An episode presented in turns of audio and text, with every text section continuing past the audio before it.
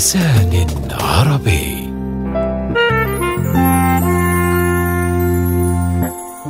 تعالى قول لي ليه ليه خدت الاسم علشان أديها لماما يا بابا. هي اللي قالت لك كده.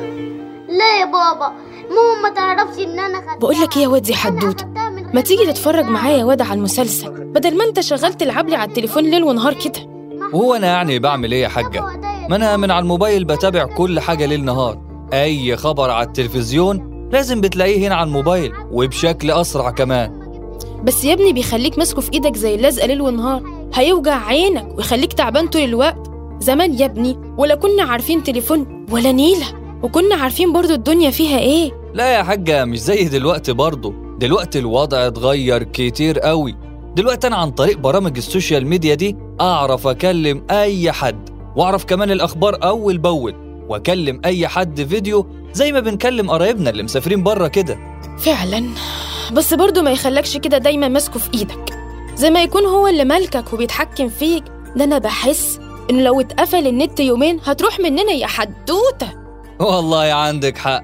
ده أنا حتى بزهق من نفسي وبلاقي نفسي قاعد بس على الموبايل بقلب فيه كده وخلاص ولا بلعب أي لعبة ولا أي حاجة. ده الوقت ده لو استغليته إن أتعلم حاجة على النت. كنت اتعلمت حاجات كتير قوي. طول عمرك خايب. طول عمرك خايب وأنا عارفة. الله يا حاجة ما أنا بس. ده كل أصحابي كده ومعظم الناس كده دلوقتي. حتى لو نزلت المترو ولا حاجة هتلاقي كل الناس ماسكة موبايلاتها وعمالة بتقلب في الفيس ولا بياخدوا منه أي فايدة. خدي بقى عندك دي كمان. الناس بقوا قلالات الأدب خالص. كل شوية ده يشتم ده على النت كده قدام الناس. عشان بس لو مختلفين في الرأي ولا حاجة. وأما يصدقوا دول يشوفوا حد يعارضهم. دي تحصل مصيبة وينزلوا شتيمة ببعض وشتايم قذرة تدل على إنهم مش بيحبوا بعض. ربنا يهديهم يا ابني. المهم بس خد بالك كده من نفسك وما تمسكش الموبايل كتير عشان انت بتضيع كتير قوي من يومك من غير ما تعمل حاجة مفيدة. إن شاء الله يا حاجة. ادعي لي بس أنت كده على طول إن ربنا ييسر لي. دايما يا ابني دعيالك على طول. طب إيه مش آه، عاوزة أجيب لك موبايل أنت كمان عشان تخشي على النت؟ يا ابني هناخد زماننا وزمن غيرنا. إحنا يا ابني عشنا العيشة الصح زمان.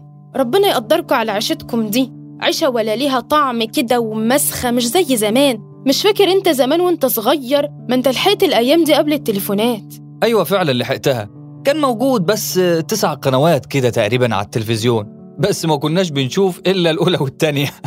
كان دايما بيجي مسلسل واحد وكل مصر بتتفرج عليه. ولا عالم الحيوان اللي بعد صلاة الجمعة. يا سلام كنت بحبه قوي. أيوه فعلا ستك كانت بتحبه قوي. وكانت دايما بتتفرج عليه. وكنا بنجهز بقى المحشي السخن قبل الصلاة. وكلكم تتجمعوا وتيجوا تاكلوه في ثانية. وإحنا بقالنا خمس ساعات بنجهز فيه. بس بالهنا والشفا بقى. ياه كانت أيام حلوة فعلا قبل ما كل حاجة بقت عاملة كده زي الآلة اليومين دول. طيب يا أخويا حاول بقى تتحكم في نفسك شوية وتراعي الأيام دي مع أصحابك. صحابي إيه يا حاجة؟ ده إحنا بنقعد مع بعضينا كل واحد بيقعد في تليفونه. وممكن كمان نقعد نلعب ألعاب أونلاين. وخد المضحكة بقى. إحنا ممكن نرد على بعض في التعليقات على الفيس وإحنا قاعدين مع بعض في نفس الوقت. ده أنتوا بقت حالتكوا صعبة قوي. بس تعرف مع إنه مفيد إلا أيام زمان برضو كانت حلوة حلوة قوي. يعني أبوك كان مسافر زمان الخليج عارف كان بيعمل إيه عشان يطمنا عليه ويتكلم معانا كتير. إيه؟ ما هو كان في تليفونات يعني. آه كان فيه بس كانت قليلة وغالية قوي. كان يا سيدي بيسجل شريط كاسيت وبيتكلم فيه بقى عن أحواله وهو عامل إيه والشغل عامل فيه إيه وبيطبخ إيه وكل حاجة بيعملها في حياته. وإحنا بقى قاعدين مستمتعين وعمالين نسمع وفرحانين قوي. طب وكان بيبعتوا إزاي أصلا؟ أنت يالا مخك تخين. آه تصدق فعلا. كان بيبعتوا مع أي حد نازل طبعا. كانت يا ابني أحلى أيام. والجوابات اللي كانت بتتباعت وتقعد مستني على ما توصل ولما توصل الجواب تقعد تقرأه فيه مرات ومرات كتير. وأبوك كان يقعد يسلم عليك وعلى أخواتك ويبعت لك هدايا حلوة ولبس العيد. بس مش زي دلوقتي اللي متجوز يقعد يكلم مراته ليل ونهار لحد ما يزهقوا من بعض. طب ما دي حاجة حلوة إنه يكلمهم ليل نهار. حاجة حلوة آه إنه يطمن عليهم. بس الحاجات الحلوة بتاعت الاشتياق والحاجات دي بتكون حلوة وبتزود جو الدفى في العيلة. كل زمن بقى وليه وقته. أنا ما اتصورش إن أنا أعرف أعيش من غير التليفون وال social media. ده كل حياتي فيه دلوقتي. وصحابي ومعارفي ده حتى ممكن نلاقي عليه شغل جديد والناس بتبيع عليه حاجات كتير ده حتى في ناس بتكسب منه فلوس. يا ابني أنا ما قلتش إنه وحش أنت بس خد الصح اللي فيه وسيب الحاجة الغلط أو خد الحلو وسيب الوحش.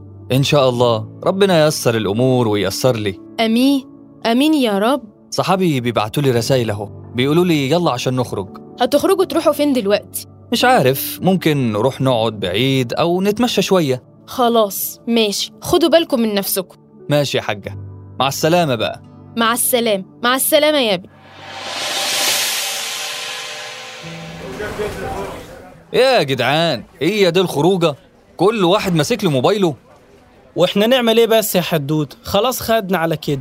ده انت أول واحد بيعمل كده يا جدع. أيوه أصل أنا كنت لسه بتكلم مع أمي في الموضوع ده. وقالت لي كلام كتير عن حلاوة الدنيا زمان من غير السوشيال ميديا ولا الكلام الفاضي ده. أيوه فعلا دي والله كانت حياة حلوة. فاكر ياض يا حتوتة؟ يا سلام وهي دي أيام تتنسي يا جدعان.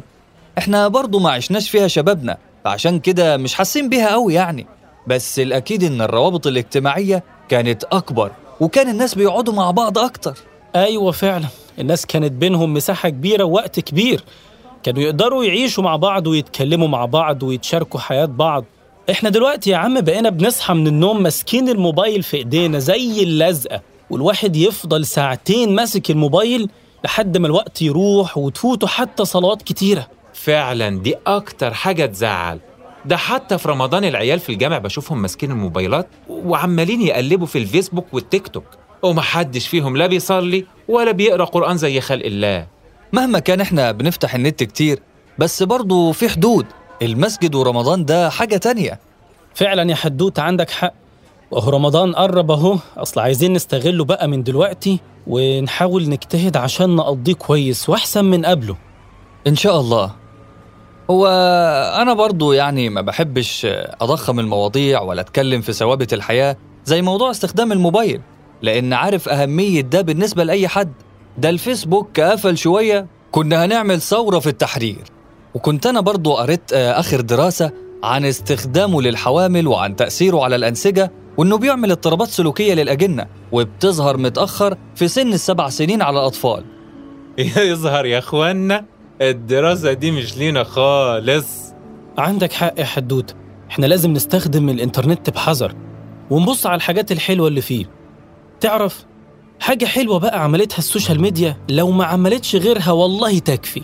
إيه هي يا أبو العريف؟ تفتكر من غير مواقع السوشيال ميديا كان الشباب عرفوا يتجمعوا أصلا؟ والله يا ابني عندك حق.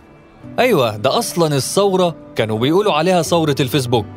ويوم موقعة الجمل كانت الثورة اللي عملها الشباب بالفيسبوك الحكومة بتهاجمها ببلطجية راكبين جمال وحصنة. بس هي فين بقى الثورة دلوقتي يا عم حدوتة؟ ما هم ضحكوا على الشعب ولبسوا كله في بعضه ورجعوا تاني للسلطة ومحدش بقى يقدر بس ينزل الشارع.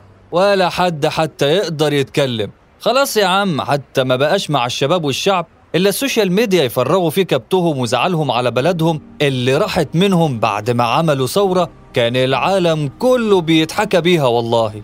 فعلا كان كله مبهور بينا. والناس كان عندهم استعداد يتغيروا. حتى كنا بنشوف حملات تنظيف الشوارع والنظام رجع. بس إيه بقى؟ كله انتهى دلوقتي. بقينا ناخد بالجزمة وساكتين. آخ ربنا يفكها علينا يا صاحبي ويفكها على كل مكروب يا رب. آمين يا رب. لكن على فكرة الشعب مهما فضل ساكت ساكت لكن هيجي في يوم ومصيره يتحرك. صح. معاك يا صاحبي. إيه بص يا حدوتة مين اللي جاي هناك ده؟ ده حسام غير غير بقى الموضوع عشان ده عامل فيها فيلسوف اليومين دول وهيقعد يتكلم ساعتين. لا يا عم خليه يجي. خلينا ناخد رأيه برضه. أهلا يا حسام. عامل إيه يا جدع؟ الحمد لله. أنتوا عاملين إيه؟ إيه إحنا بخير. جعانين بس وعايزينك تعزمنا. يا سلام. طبعا هتعزموني. فين بقى؟ أستاذ خلعان أنت. كنا بنتكلم في موضوع السوشيال ميديا بما إن أبوك مسافر وبتتواصل معاه أغلب الوقت على السوشيال ميديا. قول لنا كده إيه الخلاصة في الموضوع ده؟ عشان زهقنا من الكلام فيه. يا ابني دايما الحياة في تغيير مستمر وهي نفسها مستمرة. التغيير ده بيبقى على أشكال كتير متنوعة. آخر كم سنة التغيير المهم الحاصل في حياة كل البشر على مستوى العالم هي وجود السوشيال ميديا في حياتهم وقد إيه غيرت فيهم. وتخيلوا معايا كده إن السوشيال ميديا كانت سبب في ثورات كانت سبب في إقالة وعزل رؤساء سبب في موت بشر وإنقاذ أرواح بشر تانية. مساعدة وتغيير حياة البشر للأحسن زي group جت في السوستة مثلا. ده group حلو قوي بيساعد أي حد محتاج حاجة والناس فعلا بيوصلوا لبعض في الخير كله وكله بالوصول والناس والله ما حد فيهم بيقصر في حاجة. زي ما بيقولك اعمل الخير وارميه في البحر. وفي نظرية بتقولك طالما اتعودت على حاجة بتنسى إزاي كانت حياتك قبل الحاجة دي. عايزك تتخيل معايا حياتك قبل الفيسبوك. فاكر؟ مش فاكر قوي. ده كان زمان يعني. وبعدين ما كانش في دماغنا حاجة لأننا كنا أطفال. مفيش هموم ولا حاجة. طيب فاكر كنت بتقضي الوقت اللي بتقضيه على الفيسبوك النهاردة؟ كنت بتقضي إزاي قبل الفيسبوك؟ كل أيام وليها حلاوتها أصلا. وإحنا أيامنا دي لازم نعيشها ونعصر التكنولوجيا وما نخليش حاجة تتحكم فينا. يعني ناخد الحلو ونسيب الوحش. أنا أمي قالت لي كده فعلا وأنا بناقشها في الموضوع ده. طول عمر الحاجة يا ابني بتقول كلام مظبوط وزي الفل. الخلاصة برغم التأثير الإيجابي القوي للسوشيال ميديا وفايدتها إلا إنه في جوانب سلبية وأهم الجوانب السلبية هي دبول وضمور المشاعر الإنسانية بين البشر وأصبحت مشاعرنا عبارة عن شوية emotions المعايدات حاليا بقيت صورة أو فيديو أو post. تخيلوا؟ تخيلوا تبقى أعيادنا ومعايداتنا فيها تبقى مشاعر عبر الشاشات. مفتقد جدا أعياد زمان بصراحة. مش قلت لك. هيتفلسف ويوجع دماغ أهالينا يا حاج. لا يا عم ده قال كلام مظبوط والله وأنا حبيت كلامه. لازم فعلا ننقي وناخد اللي ينفعنا ونسيب اللي يضرنا. يلا بقى أنا لازم أروح عشان ورانا شغل بكرة. تصبحوا على خير. تصبحوا على خير يا رجاله